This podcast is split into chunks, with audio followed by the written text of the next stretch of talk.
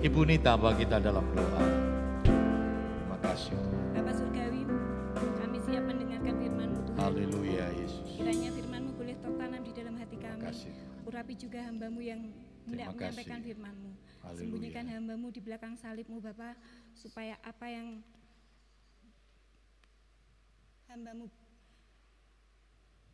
sampaikan Bapak, itu semua sesuai dengan kehendak Engkau. Haleluya Yesus. Terima kasih Bapak Surgawi. Jadikan hati kami tanah yang subur, yang siap menerima taburan firman-Mu. Hanya di dalam nama Tuhan Yesus kami berdoa. Amin. Amin. Puji Tuhan. Silakan duduk. Selamat pagi menjelang siang. Selamat kita boleh bertemu dalam kasih Tuhan Yesus Kristus. Bapak Ibu diberkati pada pagi menjelang siang ini. Amin. Allah yang kita sembah adalah Allah yang luar biasa yang boleh menolong kita semua. Puji Tuhan langsung saja kita akan bersama-sama mendengarkan firman Tuhan. Tema firman Tuhan kita pada pagi menjelang siang ini adalah gereja atau eklesia ya. Gereja atau eklesia. Gereja di sini bukan gedungnya ya. Ada pujian anak-anak sekolah minggu dikatakan gereja itu bukan gedungnya ya. Gereja itu bukan sinodenya tetapi gereja di sini adalah anak-anak Tuhan, orang-orang yang dipanggil Tuhan keluar dari kegelapan kepada terang yang ajaib. Ya, dalam bahasa Yunaninya itu eh, eklesia. Ya, jadi sebenarnya eh, tidak ada kata gereja. Gereja itu nanti gereja itu eh, dari bahasa Latin sebenarnya ya, diambil ekria ya, eklesia gitu Saudara ya. Lalu eklesia, eklesia itu dari eh, dari kata ex dan kalio ya ex itu artinya dipanggil keluar ya keluar saudara maaf eh, keluar kalau kalio itu dipanggil saudara ya. jadi artinya gereja itu dipanggil keluar ya dipanggil keluar dari kegelapan kepada terang yang ajaib kita lihat dulu di dalam 1 Petrus 2 ayat 9 hingga yang ke-10 kita bangkit berdiri bersama-sama. Kita akan membaca ayat ini bersama-sama ya. Kita akan membaca ayat ini bersama-sama. Dua, tiga. Tetapi kamulah bangsa yang terpilih, imamat yang rajani, bangsa yang kudus, umat kepunyaan Allah sendiri, supaya kamu memberitakan perbuatan-perbuatan yang besar dari Dia, yang telah memanggil kamu keluar dari kegelapan kepada terangnya yang ajaib, kamu yang dulu ah, bukan umat Allah, tetapi yang sekarang telah menjadi umatnya, yang dahulu tidak dikasihani, tetapi yang sekarang telah beroleh belas kasihan. Puji Tuhan, silakan duduk. Jadi gereja itu atau eklesia itu adalah kumpulan orang-orang yang dipanggil keluar dari kegelapan. Apa yang dimaksud dengan kegelapan? Kegelapan ini kita tahu manusia sebelum ditebus oleh Tuhan, ya, manusia dibelenggu oleh dosa. Dosa inilah yang sudah membelenggu manusia sehingga akibatnya fatal bagi manusia. Apa itu kenapa dikatakan fatal? Roma 6:23 dikatakan upah dosa ialah maut. Dan maut ini sesuatu yang mengerikan Bapak Ibu Saudara. Jangan pernah main-main, jangan pernah menyepelekan maut ini. Ya, ada beberapa orang ketika diinjili, saya dulu saudara ya waktu sekolahnya di STM saudara ya, saya coba penginjilan, sering kali kalau diinjili saudara, ada orang yang waktu kita, saya coba deketi, saya mulai ngobrol-ngobrol, dia sudah langsung tahu, dia ngomong gini, Gus, kowe menginjili aku toh? Ora usah, ora usah penginjilan katanya. Wong cita-citaku ora mlebu surga katanya. Cita-citaku mlebu neraka lho. Wah, ini orang-orang kurang bodoh Saudara ya. Tak tanya gini lah, kok cita-citamu mlebu neraka kenapa? Alah neng surga ya elek-elek kata Saudara ya. Paling kaya model kaya kowe Saudara ya. Oh, elek-elek kabeh pendeta-pendeta ora ono sing ganteng, ora ono sing ayu ya tapi nek neng rokok bintang film bintang film sudah ya bintang film bintang film sing serono. Dia pikir bintang film bintang film nek mlebu rokok apa terus isi ayu sudah Alkitab katakan dibakar dengan api berselimutkan cacing beralaskan apa namanya ulet saudara. Bagaimana mungkin ya? Dan tidak boleh lupa saudara. Hidup di dunia itu fana. Sementara saja. Alkitab katakan 70 80 tahun saja. Tetapi di dunia ya di dunia alam barsah artinya dunia orang mati ya artinya setelah orang mati kita akan masuk ke dalam dunia kekekalan Jadi kita sebenarnya manusia itu diciptakan Tuhan sebagai makhluk kekal, saudara. Ada dua yang diciptakan Tuhan sebagai makhluk kekal, yaitu malaikat dan manusia. Ya, kalau Blacky, Doki itu mati ya sudah saudara ya. Jadi harus dipotong ya sudah ayam ya mati dipotong dimakan wis selesai sudah.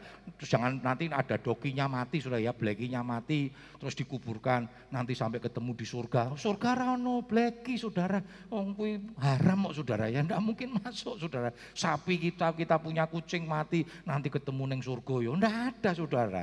Ya sudah selesai mati ya sudah. Tapi manusia setelah mati dia berkelanjutan. Karena dia bersifat kekal. Ya, cuma kita bersyukur saja kalau malaikat itu jatuh dalam dosa, dia tidak punya kesempatan. Ibrani katakan Allah tidak pernah menyayangkan malaikatnya yang jatuh dalam dosa. Tapi bersyukurlah kita. Saudara berbuat dosa, ya Tuhan rindu menyelamatkan, bahkan kita diselamatkan dengan nyawanya sendiri, dengan darah Yesus sendiri, sehingga kita semua diselamatkan. Nah, kenapa? Kenapa Bapak Saudara datang hari ini? Kenapa Bapak Saudara percaya kepada Tuhan? Karena kita punya pengharapan setelah kema kematian. Coba kalau tidak ada aturan Saudara, tidak ada upah dosa ialah maut. Pokoknya kue bener bener dosa ora dosa, jahat ora jahat, nek mati mlebu surga kabeh. Oh, hari ini sepi Saudara. Gereja orang ono sing teko Saudara. Ngapain kita repot-repot datang ke gereja? Kalau toh akhirnya tidak ada pengharapan di balik itu semua, wong semua podo sudah. Tidak seperti itu. Ya, tidak seperti itu. Nanti kita akan lihat di dalam pengertian gereja itu sendiri. Apa itu gereja? Nah, Saudara kita lihat Saudara. Gereja itu dibangun di atas dasar Kristus. Yesus menjadi dasar gereja. Coba kita lihat di dalam Matius 16 ayat yang ke-18. Matius 16 ayat 18. Dan aku pun berkata kepadamu, engkau adalah Petrus dan di atas batu karang ini aku akan mendirikan jemaatku dan alam maut tidak akan menguasainya. Nah banyak orang yang keliru ketika membaca ayat ini secara bahasa Indonesia saudara. Ya, karena dikatakan begini, ini adalah satu masa transformasi di mana Tuhan mengubah nama Simon. Ya, Simon itu artinya alang-alang sudah menjadi Petrus, menjadi Petrus. Ketika Petrus menyana, uh, Yesus bertanya, siapakah uh, menurut orang aku ini, wah ada yang berkata Elia dan sebagainya. Lalu ditanya, menurut kalian aku ini siapa? Petrus dengan dengan lantang dia menjawab, engkaulah anak Allah yang hidup. Wah luar biasa saudara. Lalu Tuhan berkata, Simon, namamu bukan lagi Simon. Simon itu alang-alang sudah. Ya, alang-alang itu kalau ditiup dari timur ke barat dia ke barat, ya. Dari barat ke timur dia ke timur, saudara. Ya dia diombang-ambingkan dan itulah itulah Petrus, saudara. Ya, orang yang reaktif ya orang yang reaktif cepat ngomong tetapi sering kali dia uh, dia dia akhirnya gagal. Nanti setelah dipenuhkan Roh Kudus baru betul-betul Petrus itu luar biasa. Lalu Tuhan berkata namamu bukan lagi Simon namamu bukan lagi alang-alang tetapi Petrus ya Petrus itu artinya salah satu batu karang. Jadi satu batu karang namanya Petrus lalu dia berkata dan di atas batu karang ini nah kata batu karang yang kedua itu menggunakan kata Petra Petra itu artinya seluruh batu karang itu namanya Petra. Dan itu bicara kepada Yesus. Kita tahu Alkitab katakan Yesus itu batu karang yang teguh. Ya, makanya ada dua pemahaman, ada yang berkata bahwa gereja itu didirikan di Petros, padahal bukan, Petra. Petra itu Yesus, Saudara. Nah, di sini eh, Tuhan Yesus mau berkata dan di atas Petra, di atas Yesus gereja itu akan didirikan. Nah, nanti gereja ditabiskan setelah kematian Tuhan Yesus, Yesus naik ke surga, lalu Yesus berkata ya sebelum naik ke surga, tunggulah aku di Yerusalem. Ya, karena Tuhan akan mencurahkan Roh Kudus. Di loteng Yerusalem ada 120 murid-murid Tuhan menantikan Tuhan Yesus. Lalu Tuhan mencurahkan kuasa Roh Kudus. Di situlah gereja mulai berkembang.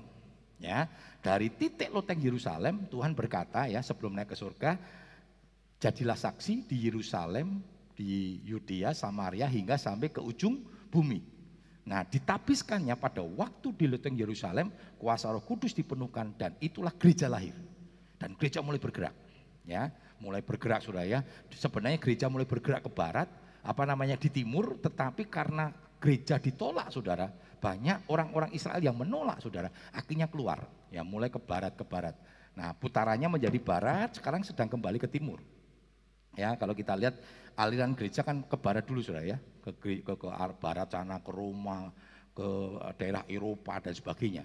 Lalu kembali ke ke timur. Nah, ini hari-hari akhir itu uh, di uh, dunia bagian belahan timur mulai Injil itu uh, apa membakar ya. Injil itu mulai dikobarkan. Nah, itulah gereja, Saudara. Itulah gereja. Dan nanti puncaknya gereja akan disempurnakan. Ya, puncaknya gereja akan disempurnakan. Nah, kita lihat dulu bersama-sama, apa itu gereja? Gereja ini luar biasa, Saudara. Ya, dan saya kira kalau Bapak sudah lihat belum ada ya um, Tuhan dan umatnya yang bagaimana Tuhan itu memberikan satu otoritas, memberikan satu kuasa seperti Tuhan ya Tuhan kita Yesus Kristus memberikan otoritasnya, kuasanya kepada yang namanya gereja. Nanti Bapak Saudara bisa bisa bisa bisa cek ya. Apakah yang Tuhan berikan kepada kita ini juga diberikan kepada yang lain sudah. Artinya di luar gereja. Yang pertama apa, apa tadi dikatakan? Kamulah bangsa yang terpilih, imamat yang ra, rajani. Luar biasa sudah. Imamat yang rajani dan ini istilah hanya diberikan kepada gereja Tuhan. Apa maksudnya? Imamat itu imam bicara pelayanan. Tetapi dikatakan imamat yang rajani, pelayanan yang diberikan otoritas ilahi atau pelayanan yang diberikan otoritas raja di atas segala raja. Ya slide-nya bisa dimunculkan. Imamat yang rajani itu artinya gereja adalah pelayanan hal-hal yang bersifat rajani kemegahan di atas segala raja. Perhatikan saudara. Coba kita lihat baca dulu di dalam keluaran 19 ayat 5 dan 6 keluaran 19 ayat 5 dan 6 jadi sekarang jika kamu sungguh-sungguh mendengarkan firmanku dan berpegang pada perjanjianku, maka kamu akan menjadi harta kesayanganku sendiri dari antara segala bangsa. Sebab akulah yang punya seluruh bumi, seluruh bumi. Kamu akan menjadi bagiku kerajaan imam dan bangsa yang kudus. Inilah semuanya firmannya harus kau katakan kepada orang Israel. Perhatikan saudara. Jadi gereja itu diberikan satu otoritas oleh Tuhan. Otoritas ilahi otoritas raja di atas segala raja. Coba nanti kita lihat lagi Saudara ya. Di dalam Markus 16 ayat 16 sampai 18. Gereja Tuhan akan diberi otoritas rajani. Markus 16 ayat 16 sampai 18. Siapa yang percaya dan dibaptis akan diselamatkan, tetapi siapa yang tidak percaya akan dihukum. Tanda-tanda ini akan menyertai orang-orang percaya, mereka akan mengusir setan-setan demi namaku mereka akan berbicara dalam bahasa-bahasa yang baru bagi mereka. Mereka akan memegang ular dan sekalipun mereka minum racun maut, mereka tidak akan mendapat celaka. Mereka akan meletakkan tangannya atas orang sakit dan orang itu akan sembuh. Siapa itu orang percaya? Itu adalah gereja Tuhan. Dan luar biasa sudah dikatakan tanda-tanda ini akan menyertai orang percaya. Tidak dikatakan tanda-tanda ini akan menyertai pendeta. Tanda-tanda ini akan menyertai worship leader, no, saudara. Tetapi orang percaya. Nah pertanyaannya saudara, percaya enggak saudara kepada Tuhan? Nah, ini kan pertanyaan kelihatannya lucu saudara. Alah om wis neng gereja kok ditakoi percaya apa ora? Lu belum tentu saudara. Belum tentu orang pergi ke gereja dia percaya. Belum tentu orang itu ngaku Kristen dia percaya kepada Tuhan. Apa yang dimaksud percaya? Dimaksud percaya itu betul-betul hidupnya dipercayakan kepada Tuhan Yesus. Jadi ketika saudara punya persoalan yang saudara ingat adalah Tuhan Yesus. Ketika engkau sakit yang saudara ingat adalah bahwa Tuhan Yesus itu berkuasa. Bukan yang lain. Bukan yang lain saudara. Percaya kepada Tuhan Yesus. Ketika kau melakukan, melangsungkan pengobatan pun percaya bahwa di atas semua itu ada kuasa Tuhan. Dan jangan pernah takut. Karena tanda-tanda ini menyertai orang per, percaya. Itu artinya percaya itu menjadikan Tuhan itu segala-galanya. Dan Yesus itu menjadi prioritas atas hidup kita. Saya sering kali ibaratkan percaya sudah ya. Nah sering kali kan orang Kristen itu sedikit apa ya terkecohkan, terkacaukan dengan Yohanes 3:16. Ya, dalam Yohanes 3:16 dikatakan karena begitu besar kasih Allah kan dunia ini sehingga setiap orang yang percaya kepadanya tidak binasa melainkan beroleh hidup yang kekal. Wah enak. Dadi wong Kristen ki percaya tok selamat. Lalu percaya memang cuma ngomong lamis sudah. Aku percaya Tuhan. Enggak begitu sudah. Nanti kalau kita membaca Yohanes 3 ayat 16, Yohanes 3 ayat 16 ada di satu perikop. Perikopnya Yohanes 3, satu pasal perikop Yohanes 3. Kalau Bapak Saudara baca, karena ini kan ke kesalahan kita sudah. Seringkali kita bilang begini, ayat masmu opo? Ayat masmu opo? Bono enggak ada ayat mas semua. Semua mas kabeh, amin. Semua di Alkitab tuh ayatnya mas kabeh. Orang ono sing perunggu, orang ono sing perak, saudara ya. Semua emas semua. Artinya apa? Firman itu berkuasa, saudara. Nah kita jangan cuma nyomot satu ayat saja. Itu kelemahan kita. Kita nggak pernah membaca perikop itu. Apal Yohanes 3:16, roto-roto apal, tapi nggak tahu perikopnya. Padahal nanti kalau kita baca perikop Yohanes 3 itu bicara tentang kelahiran baru. Yesus sedang berbincang-bincang dengan Nikodemus. Nikodemus itu adalah salah satu imam dari Sanhedrin, ada 70 imam yang malam-malam dia apa uh, menyelinap saudara bertemu dengan Tuhan Yesus Kristus. Sebab apa? Kalau terbuka dia malu. Wong imam apa imam besar kok takut saudara ya. Artinya dia bagian dari imam, imam-imam kok tanya tentang keselamatan kepada Tuhan Yesus Kristus. Dan Tuhan Yesus ajarkan pada Nikodemus, yaitu tentang kelahiran baru, tentang perubahan hidup. Ya, itu selamat itu artinya maaf, percaya itu artinya lahir baru. Nah, kalau saudara memang percaya kepada Tuhan, jangan takut saudara.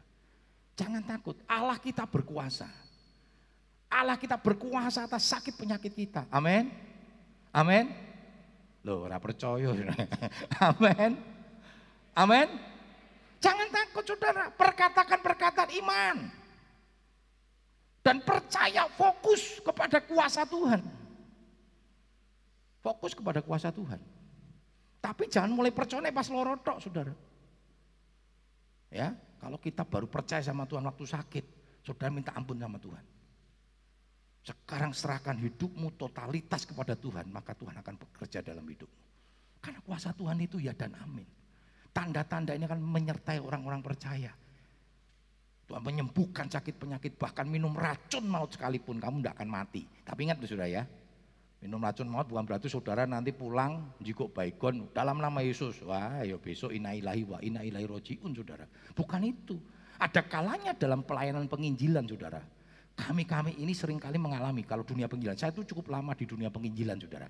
Ya, saya dulu bahkan ketika uh, di sekolah Alkitab, saya ngomong dengan guru-guru sekolah kitab saya, saya bilang saya tidak terbeban di pengembalaan. Ya, saya mau penginjilan.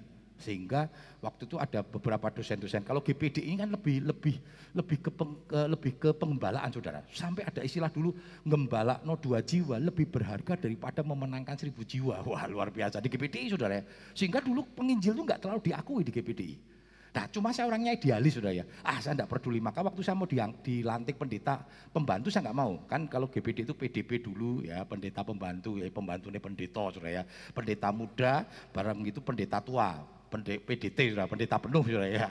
Seringkali kita kita sering kali pakai berkuyok ah, PDT pendeta tua sudah ya. Nah saya nggak mau sudah. Saya lebih banyak di dunia penginjilan dan sering kali kita mengalami kondisi-kondisi yang memang kuasa itu kita alami sudah. Kalau Bapak Saudara lihat No Manson ya, pernah membaca sejarah No Manson. Kenapa orang-orang Batak itu dimenangkan oleh Tuhan? Ya, karena ada seorang dari Jerman, nama misioneri namanya No Manson yang punya hati untuk orang Batak. Bahkan dia akhirnya mati di tanah Batak. Jadi sekarang sudah ada saudara ya, jadi ada monumennya saudara untuk orang uh, no mention di sana. Nah saudara, satu kali no mention didatangi sama orang-orang Batak dari satu suku, ya mereka baca ini orang-orang Batak ini baca ayat firman Tuhan ini sudah dikatakan minum racun maut orang mati. Dia tantang no mention saudara. Kalau memang betul minum ini racun. Nah kadang saudara dalam dunia penginjilan ini kita mendemonstrasikan kuasa Tuhan, jangan takut. Tapi jangan nyobo-nyobo pulang-pulang saudara, wah di tengah jalan, lihat ini firman Tuhan, minum racun maut ora mati, ora di ora tidak ada yang menekan saudara untuk mendemonstrasikan, wah itu kan untuk kesombongan. Jadi ayat ini bukan untuk mendemonstrasikan supaya nama Agus ini dimuliakan. Wah kacau balau saudara. Tetapi nama Tuhan dipermuliakan. Dan betul saudara, waktu itu no mention dia minum, dinteni saudara, orang mati.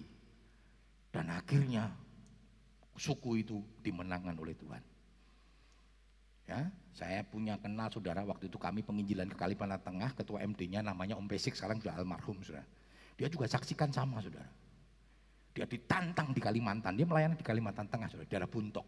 Ya Buntok itu dari Banjarmasin naik kapal taksi air kalau sana bilangnya uh, kapal itu ya taksi air sudah ya. Itu perjalanan satu hari satu malam. Ya melewati sungai, sungai Barito sudah. Dia bersaksi pada kami. Dia pernah ditantang begitu sama ayatnya. Lalu dia bilang, "Monek, betul Tuhanmu minum racun ini." Dia minum sudah. Orang mati sudah. Wah, akhirnya banyak jiwa bertobat. Nah, artinya ayat-ayat ini untuk mendemonstrasikan kuasa Tuhan supaya nama Tuhan dipermuliakan. Bukan mendemonstrasikan kuasa Tuhan supaya nama Agus dipermuliakan. Bukan itu saudara, salah. Supaya nama Tuhan dipermuliakan. Dan tanda-tanda ini menyertai saudara. Bukan hanya pendeta, kepada semua orang. Saya sudah melayani saudara. Pelayanan-pelayanan okultisme itu sejak saya SMA. Jadi saya belum sekolah kitab, saya masih aktivis. Waktu itu di, di Solo kalau saudara orang Solo ya, orang Solo itu biasa main kelenian saudara. Sehingga banyak sekali okultisme yang berkuasa di sana. Saya nggak tahu waktu kami terpanggil saudara. Karena saya memang sudah dari sejak SMP itu senang firman Tuhan saudara. Dan itu Tuhan kasih pelayanan itu. Kami ada tim namanya tim Dulos, ya. Enam orang, dua orang laki-laki, empat orang ini cewek saudara. Dan saya paling muda, yang laki-laki yang satu namanya Bapak Pendeta Yakub ya Kristianto. Dia jadi gembala di uh, Magetan ya. Jadi waktu itu dia ada sekolah kitab saya yang belum sudah. Ya akhirnya saya jadi hamba Tuhan setelah itu ya. Tapi waktu itu belum kita melayani jadi asal ada orang yang kerasukan setan kita datang kita tengking kita usir dalam nama Yesus dan luar biasa sudah kami punya pengalaman-pengalaman yang Tuhan izinkan terjadi kadang diusir agak dalam nama Yesus langsung metu sudah. Kami pernah nga, apa, ngalami melayani tiga jam terus berperang. Wah kuasa kegelapannya angel sudah. Kenapa? Karena diundang. Ya, kalau kerasukan itu masih mending. Sudah. Tapi yang sulit kita ngundang. Jadi ada orang yang ngundang, ngundang setan masuk sudah. Wah itu, wah itu harus betul-betul saudara. Jadi waktu itu saya sering kali kalau melayani bawa gitar nyanyi, nyanyi aja sudah. Nyanyi sudah dalam Yesus. Setannya kelenger sudah. Setannya takut. Setannya takut. Ya, dan Tuhan izinkan kami kasih pelayanan. Ya, beberapa waktu yang lalu ada yang kerasukan Saudara, dibawa ke gereja ya. Dibawa ke gereja. Oh, ini ada staf-staf semua orang yang doake sudah ngenteni gembala nih sudah. Saya lihat. Oke, saya bilang, nah, tumpang tangan sudah dalam nama Yesus. Setan keluar Sakit, sakit ya. Wah pacarnya bilang, om kasihan, wis kamu demo, sih ngomongin setan. Saya bilang, wis gue demo aja. Keluar saya bilang, keluar enggak? Nah saudara kalau setan, itu beda dengan orang yang stres. Ya, kalau stres itu wajahnya sayu, matanya sayu. Tetapi kalau kuasa gelap itu beringas. Dan saudara kalau saudara percaya sama Tuhan, sudah punya urapan, pandang matanya, dia takut saudara. Kalau staf-staf waktu itu lihat ya, tak pegang kepalanya, saya pandang matanya saudara.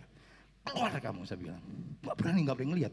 Terus dia pura sakit, sakit. Dia bilang sama pacar, sayang sakit. Sampai pacar bilang, oh, kasihan wis kowe meneng wae kono. Kowe jaluk tetap kerasukan boy ini saya bilang, udah minggir. Terus saya bilang sama anak-anak ya, pegang, pegang. Tak lihat itu orang masih pegang. Mereka mungkin belum punya pengalaman itu saudara. Jadi sembahyang merem kabeh. Eh pegang saya bilang, karena itu kekuatannya luar biasa sudah. Ya, pegang tangannya. Wes rasa pekewo. Mbak setan kok pekewo saya bilang. Pegang tangannya, saya bagian numpang tangan saudara. Tidak lama keluar. Itu itu kerasukan.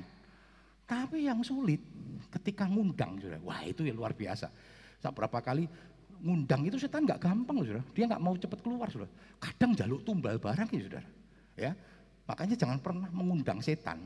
Loh saudara kalau mengundang setan ya, saudara nyari kaya, pengen suki. Minta sama setan dikasih nggak saudara? Dikasih, ingat enggak? Waktu dicobai Tuhan Yesus. Sembahlah aku akan kuberikan semua dunia ini. Hati-hati saudara. Jangan main-main dengan kuasa setan saudara. Ya, dan tanda-tanda itu menyertai orang percaya. Bukan pendeta saudara, belum tentu. Makanya kami sekolah kitab sudah ya. Sekolah kitab nek main-main sama begitu biasa sudah ya. Di sekolah kitab salah tiga. Ya biasa begini sudah ya. Orang sekolah kitab itu beli tanah kan yang murah. Betul nggak saudara ya? Karena dananya kan kurang. Beto nek meh bangun wah apa kondominium ya, wah punya duit. Uang sekolah kitab ini kan biaya sendiri, pendeta-pendeta ngumpul ke dana seperti di sekolah kitab Salatiga ya. Itu daerah angker katanya. Di belakang tuh ada sumur. Ya, kalau pernah ke Salatiga sumur Simur Timba, itu katanya Saudara, ini sejarah ya. Itu dulu ada orang bunuh diri masuk ke situ Saudara ya. Wah, samsoyo rame. Yang biasa memang. Kami sekolah kitab nek meng, apa namanya nek orang Jawa bilang tindian Saudara ya. Tindian. Itu biasanya anak kelas 1 Saudara. Begitu. Wah, iki digodo ya. Ayo ditepuk ayo bangun doa ya. Nek mengselimut ditarik-tarik itu biasa saudara ya. Jadi kita tidur selimuti tarik-tarik ya sudah. Ya kita bilang dalam nama Yesus keluar, pergi. Biasa. Yang asrama putih pernah saudara, itu ranjang diangkat saudara. Bisa, bisa melayang-melayang saudara. Jadi biasa. Ya, wah ngono sekolah kitab. Wah, saudara jangan kita anak-anak sekolah kitab itu ya harus dilatih dulu. Yang ngadepi ngadepi gitu nggak tahu yang sekarang saudara ya. Kalau zaman dulu kami sering ngalami itu. Saya Dulu sekolah apa namanya uh, sekolah itu saya pakai teklek sudah, bakia tahu ya. Kenapa pakai bakia? Kalau pakai sendal, begitu bangun saya mau pakai sendalnya penginjilan saudara. Lu kok orang mau penginjilan ternyata. Nah penginjilan lumayan kalau kalau orang penginjil kan kadang pergi balik meneh. Ini orang wes penginjilan mengembalakan di sana lah repot saudara ya. Jadi daripada hilang terus saya pakai bakia. Anak bakia kan tidak ada yang pakai saudara. Ya biasanya kalau kita makan makan itu semua rame-rame di ruang makan. Nah kalau uh, bagiak saya hilang tak enteni gue, gue kan balik saya bilang. Ya saya pakai ciaga ya, uh, cokoran. Terus temen lu, kok rangku sendal lah, tenang.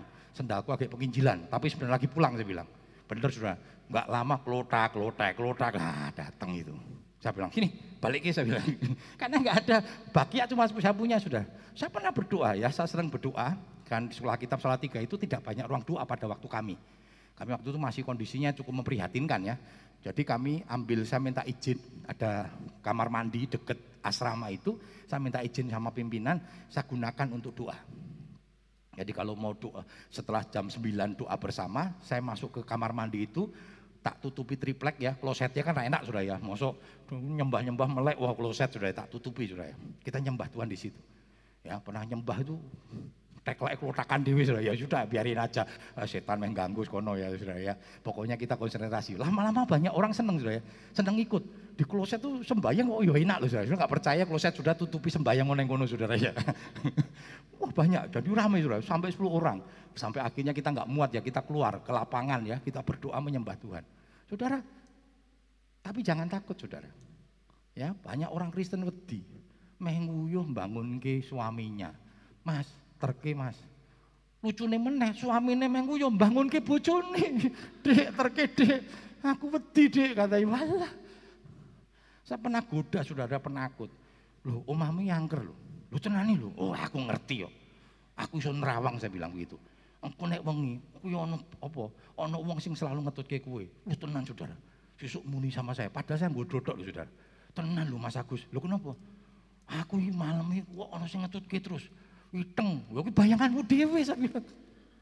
Hati-hati saudara, jangan anak Tuhan, apalagi jemaat Siloam wedi saudara kalau gitu-gitu. Sing diwedeni itu sing sing apa sing dasi teng saudara, artinya sing berambut tenanan itu sing sing bener-bener nyata. Nah bongso gitu rapopo. Dulu kan ada banyak sejarah ya. Gundul meringis, kono meringis peringis genti tuh saudara, kono malah wedi, betul nggak saudara? Kan banyak ya di di Indonesia ini di Jawa ini kan banyak. Gundul meringis apalagi itu sudah ya. Banyak sekali istilah-istilah itu ora apa-apa. No gundul meringis kono meringis. Peringisi genti sudah kan kono sing lungo sudah ya. Amin. Amin. Kenapa? Karena sudah diberikan otoritas ilahi. Dan itu bukan untuk pendeta untuk orang percaya ya. Yang kedua bangsa yang kudus Imamat yang rajani, bangsa yang kudus. Bangsa yang kudus itu apa? Gereja dipanggil dan dipilih untuk setia menjaga kekudusan. Perhatikan saudara. Jadi bukan jangan hanya bicara minta otoritas ilahinya, tetapi sudah menjadi bangsa yang kudus belum? Sudah hidup dalam kekudusan belum? Apa arti kudus? Kudus itu dalam bahasa aslinya artinya dipisahkan. Dipisahkan antara dosa dan kebenaran. Jadi di gereja itu tidak boleh bertoleransi dengan dosa. Tidak boleh. Saudara. Dosa dan kebenaran nggak bisa disatukan. Nggak bisa, saudara. Ada orang ketemu, waduh aku kayak dosa hari ini. Kenapa? Aku mau ngapusi, eh rapopo, dosa-dosa titik. Oh enggak ada sudah. Mau dosa titik, dosa gede, dosa ini podo. Upah dosa ialah maut. Kita sebagai anak-anak Tuhan jangan berbuat dosa. Kalau toh kita kilaf gitu ya, minta ampun sama Tuhan. Dan jangan melegalkan dosa. Dosa nggak boleh dilegalkan. Karena Tuhan tidak pernah bisa kompromi dengan dosa. Perhatikan sudah. Tuhan tidak bisa pernah kompromi dengan dosa. Ya, tidak pernah sudah, nggak pernah bisa. Coba kita lihat sama-sama. Di dalam 1 Petrus 1 14 16. 1 Petrus 1 ayat 14 sampai 16. Hiduplah sebagai anak-anak yang taat dan jangan turuti hawa nafsu yang menguasai kamu pada waktu kebodohanmu. Tetapi hendaklah kamu menjadi kudus di dalam seluruh hidupmu sama seperti dia yang kudus yang telah memanggil kamu. Sebab ada tertulis, kuduslah kamu sebab aku kudus. Perhatikan sudah, kuduslah kamu sebab aku kudus. Jadi kita ini harus memiliki roh yang sama dengan Tuhan. Apa itu kekudusan? Kekudusan itu betapa penting dan hari-hari ini kekudusan betapa mengerikan. Kudus di sini sekali lagi saya sampaikan beberapa minggu yang lalu bukan hanya bicara fisikal. Bukan hanya bicara tentang persinahan. Tetapi kekudusan ini bicara tentang jiwa dan roh juga. Maka Tuhan Yesus berkata ya dalam khotbah di bukit. Ini pengajaran Tuhan ya. Yesus berkata, kalau hukum Taurat berkata, jangan kamu berzina. Berzina, persinahan itu adalah dosa seksual setelah menikah. Namanya persinahan. Ya, sudah nikah, suaminya bersinah dengan wanita lain, yang wanita lain bersi, uh, apa nama istrinya bersinah dengan pria yang lain, itu bersinah namanya. Seks itu hanya boleh dilakukan oleh pasangan suami istri. Di luar suami istri namanya perzinahan. Dan itu kalau di Alkitab hukumnya rajam sudah. Sampai mati. Itu persinahan. Dan persinahan itu sangat keji di mata Tuhan. Nah, dosa seks sebelum pernikahan namanya percabulan. Ya, beda percabulan dengan seks. Percabulan itu dosa seksual sebelum pernikahan. Nah, Saudara, Tuhan Yesus berkata apa? Jangan kamu bersinah, itu hukum. Tetapi Tuhan berkata, tetapi aku berkata kepadamu, ketika engkau memandang wanita dan mengingininya, itu sudah bersinah dalam hati. Sama Saudara. Mungkin kita tidak bersinah secara fisik, tetapi roh dan jiwa kita sering kali kita bersinah. Ketika anak wanita ayu, delok sudah ya, sampai melongo, sampai ngeces saudara. Wah, saudara perlu bertobat itu saudara. Ya, dan itu kita jaga saudara. Kekudusan itu harus dijaga dengan sungguh-sungguh. Jangan menyepelekan. Kenapa? Seringkali kita nggak mau jaga sungguh-sungguh. Ya, jangan beri kesempatan. Ingat firman Tuhan, jangan kasih kesempatan kepada iblis. Terjadinya perselingkuhan, terjadinya persinahan, karena itu sering kali kita memberikan kesempatan. Maka saya senang saudara. Di agama muslim itu ada hukum yang namanya muhrim. Luar biasa saudara. Kalau melakukan sesuatu yang tidak benar, itu bukan muhrimnya. Seorang suami berjalan dengan wanita lain itu teman sak konco sekalipun, teman kerjaan, tidak muhrimnya. Bukan muhrimnya, hati-hati jangan kasih kesempatan saudara. Jangan kasih kesempatan, walaupun konco cedak, wis wis cedak banget, wis koyo saudara, koyo saudara bukan saudara. Dan itu sering kali jatuh saudara. Makanya saya pernah saksikan saudara, saya punya motor sudah. Itu belum pernah digoncengi cewek lain selain Bu Ika. Kakak saya saja saudara. Nek meh bonceng motor, saya naik motor. Saya wis mending kue numpak grab baik saya bilang. Kenapa saudara? Karena waktu saya naik motor goncengi kakak saya, pertanyaan saya, tahu enggak saudara? Bahwa itu kakak saya. Belum tentu, benar saudara? Saya kakak saya datang ke sini gandengan, ya. Yuk, kita mangan bakso. Ya Bu Ika Ramelu, saya sama kakak perempuan saya saudara, tak gandeng. Wong kakakku kakakku dewi sudah, ya lewat sini gandeng, wah melaku gandengan. Saudara lihat, wah itu viral, apalagi di foto, jret, Pak Agus selingkuh, oh betul ya. Padahal ini kakak saya. Wong saya naik nganter ke kakak saya sendiri berdua dengan dia. Saya ngomong gini, kowe ngomong mbek bojomu, kowe mau lu mbek aku. Nek ora sudah nanti ada temennya bojone, aku mau ndelok bojomu lu ngombe wong lanang, padahal itu kakak saya, Saudara. Itu yang kakak saya sendiri, apalagi orang lain. Ya, waktu saya pulang ngajar, saya dulu ngajar di satu sekolah SMP di Kalam Kudus ya, namanya SMP Kalam Kudus ya. Ada satu teman wanita, guru wanita yang rumahnya nggak jauh dari rumah saya. Dia mau gini, Pak, aku anu iki mau ora dipethuk. Aku tak bareng kowe yo. Wah, saya harus ngomong terang-terangan, jangan pokiu-pokiuan saudara. Sorry ya bu, goncengan saya ini hanya boleh digoncengi sama istri saya. Dipikir saya gojok, eh apa orang mungkin aku selingkuh mbak kue gitu saudara. Orang masalah selingkuh, masalahnya orang muhrim saya bilang. Begitu saya pergi sama dia, boncengan meneh saudara. Eh ono ceklungan ngerem, nyet, wah saudara. Kata nenek itu berbahaya, saudara. Dan saya ngomong begitu. Supaya tahu, yang lain juga ngerti. Kowe nek lungo-lungo aja gonceng mbek Pak Agus percuma. Kalau perempuan sudah nek lanang ya monggo, Saudara. Kenapa, Saudara? Hati-hati jangan. Jangan kasih kesempatan. Jangan kasih kesempatan, Saudara.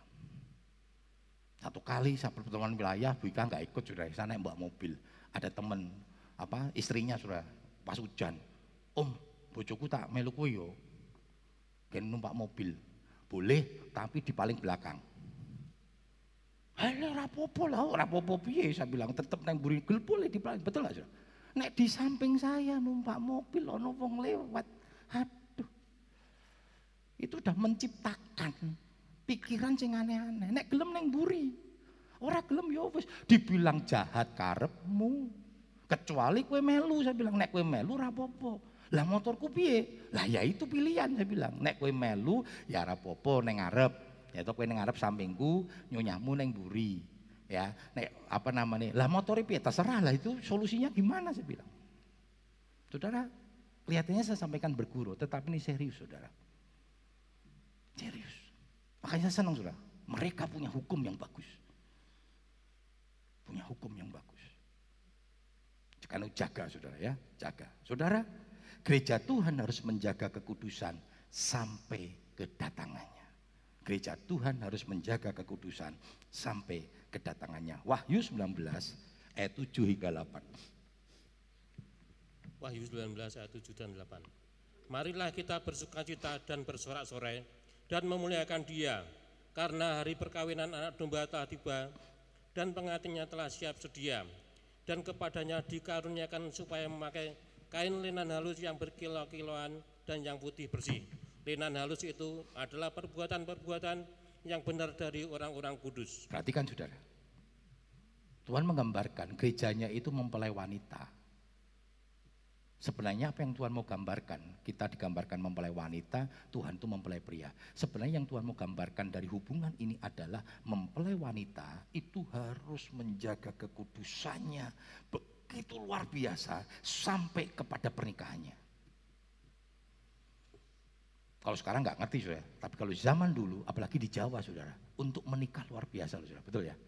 Itu masih dipingit saudara, nggak boleh ketemu selama seminggu Bahkan pernah ada yang sebulan tidak boleh ketemu. Saudara. Yang wanita itu digarap habis-habisan. Dilulur, waduh ngulik. Istilahnya kan ada istilah ngulik. Ya, di, waduh pokoknya dibuat supaya dipersiapkan. Kalau menikah nanti itu, waduh pokoknya betul-betul luar biasa.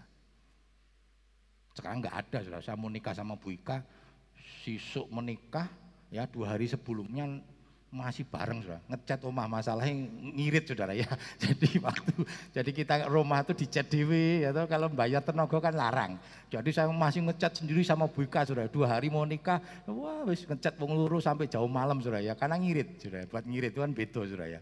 Sudah lain ya. Wah kita mau menikah ya.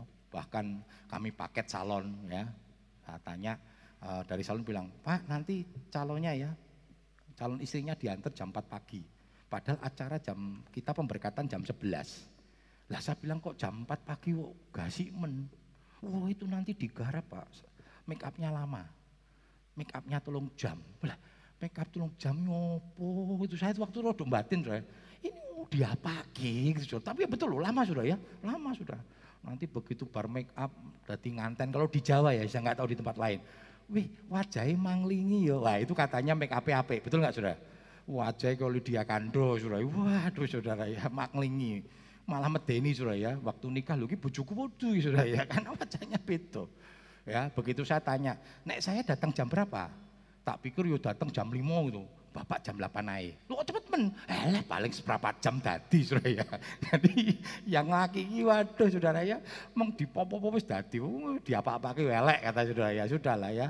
Nah saudara kita lihat bagaimana dipersiapkan seorang mempelai wanita itu menjaga hidupnya kudus.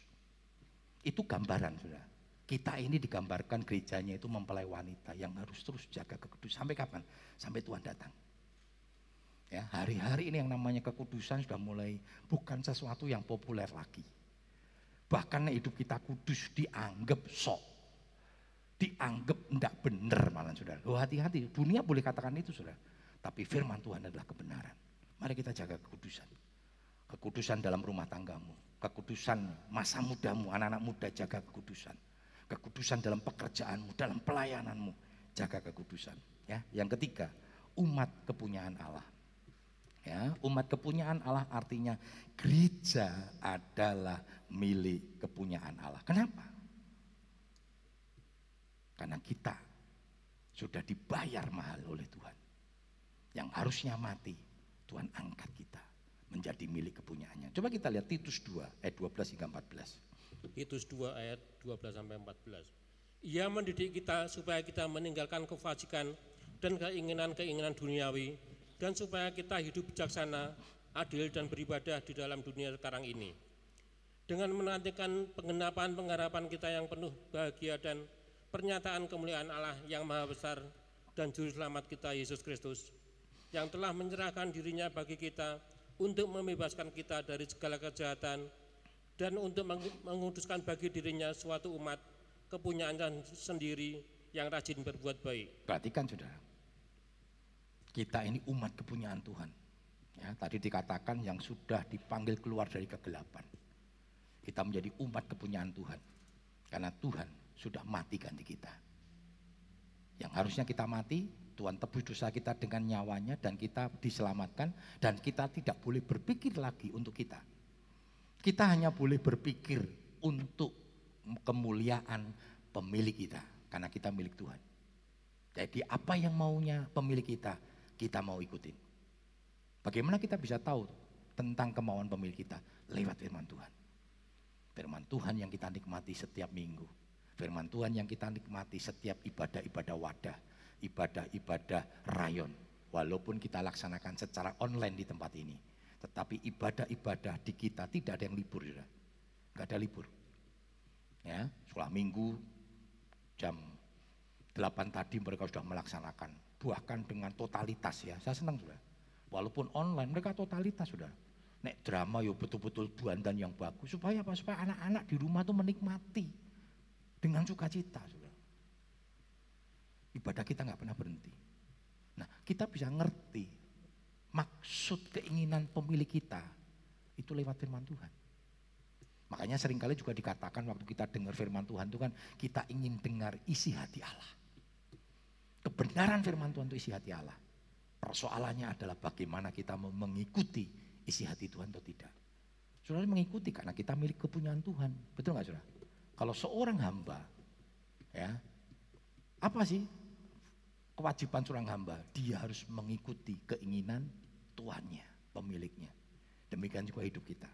Mari kita menyenangkan hati Tuhan kita, pemilik kita. Ya, coba kita lihat ayat yang terakhir 1 Petrus 1 ayat 18 hingga 19. 1 Petrus 1 ayat 18 dan 19. Sebab kamu tahu bahwa kamu telah ditebus dari caramu hidup yang sia-sia yang kamu warisi dari nenek moyangmu itu. Bukan dengan barang yang fana, bukan pula dengan perak atau emas, melainkan dengan darah yang mahal, yaitu darah Kristus yang sama seperti anak domba yang tak bernoda dan tak bercacat. Perhatikan saudara. Inilah yang menyebabkan kita menjadi milik kepunyaan Tuhan. Kita sudah ditebus dengan darah Tuhan sendiri. Maka Paulus berkata dalam Galatia 2:20, hidupku bukannya aku lagi. Ketika engkau bersikap, ketika engkau bertindak, bertindaklah untuk kemuliaan nama Tuhan. Maka 1 Korintus 10 ayat 31 katakan apa? Apa pun yang kau makan, apa pun yang kau minum, apa pun yang kau lakukan. Ketika kau melakukan apa pun dikatakan, lakukanlah supaya nama Tuhan dimuliakan. Yang ngerti saudara dan Tuhan, apakah selama ini engkau sudah melakukan kehendak Tuhan? Apakah engkau sudah melakukan keinginan pemilik hidup kita yang sudah memberikan nyawanya bagi kita. Ada tiga gereja yang luar, uh, tiga, tiga fungsi, tiga hal yang Tuhan berikan kepada gereja.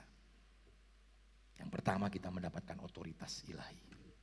Otoritas raja di atas segala raja. Karena itu jangan pernah takut. Tapi yang kedua, kita harus menjadi bangsa yang kudus. Dan yang ketiga, kita adalah umat kepunyaan Tuhan. Artinya segala sesuatu yang kita lakukan, kita kembalikan untuk kemuliaan bagi nama Tuhan. Mari kita bangkit beri bersama-sama. Kau telah memilihku sebelum dunia dibentuk. Betapa aku bersyukur padamu, ya Tuhan Allahku. Terima kasih ya Tuhan.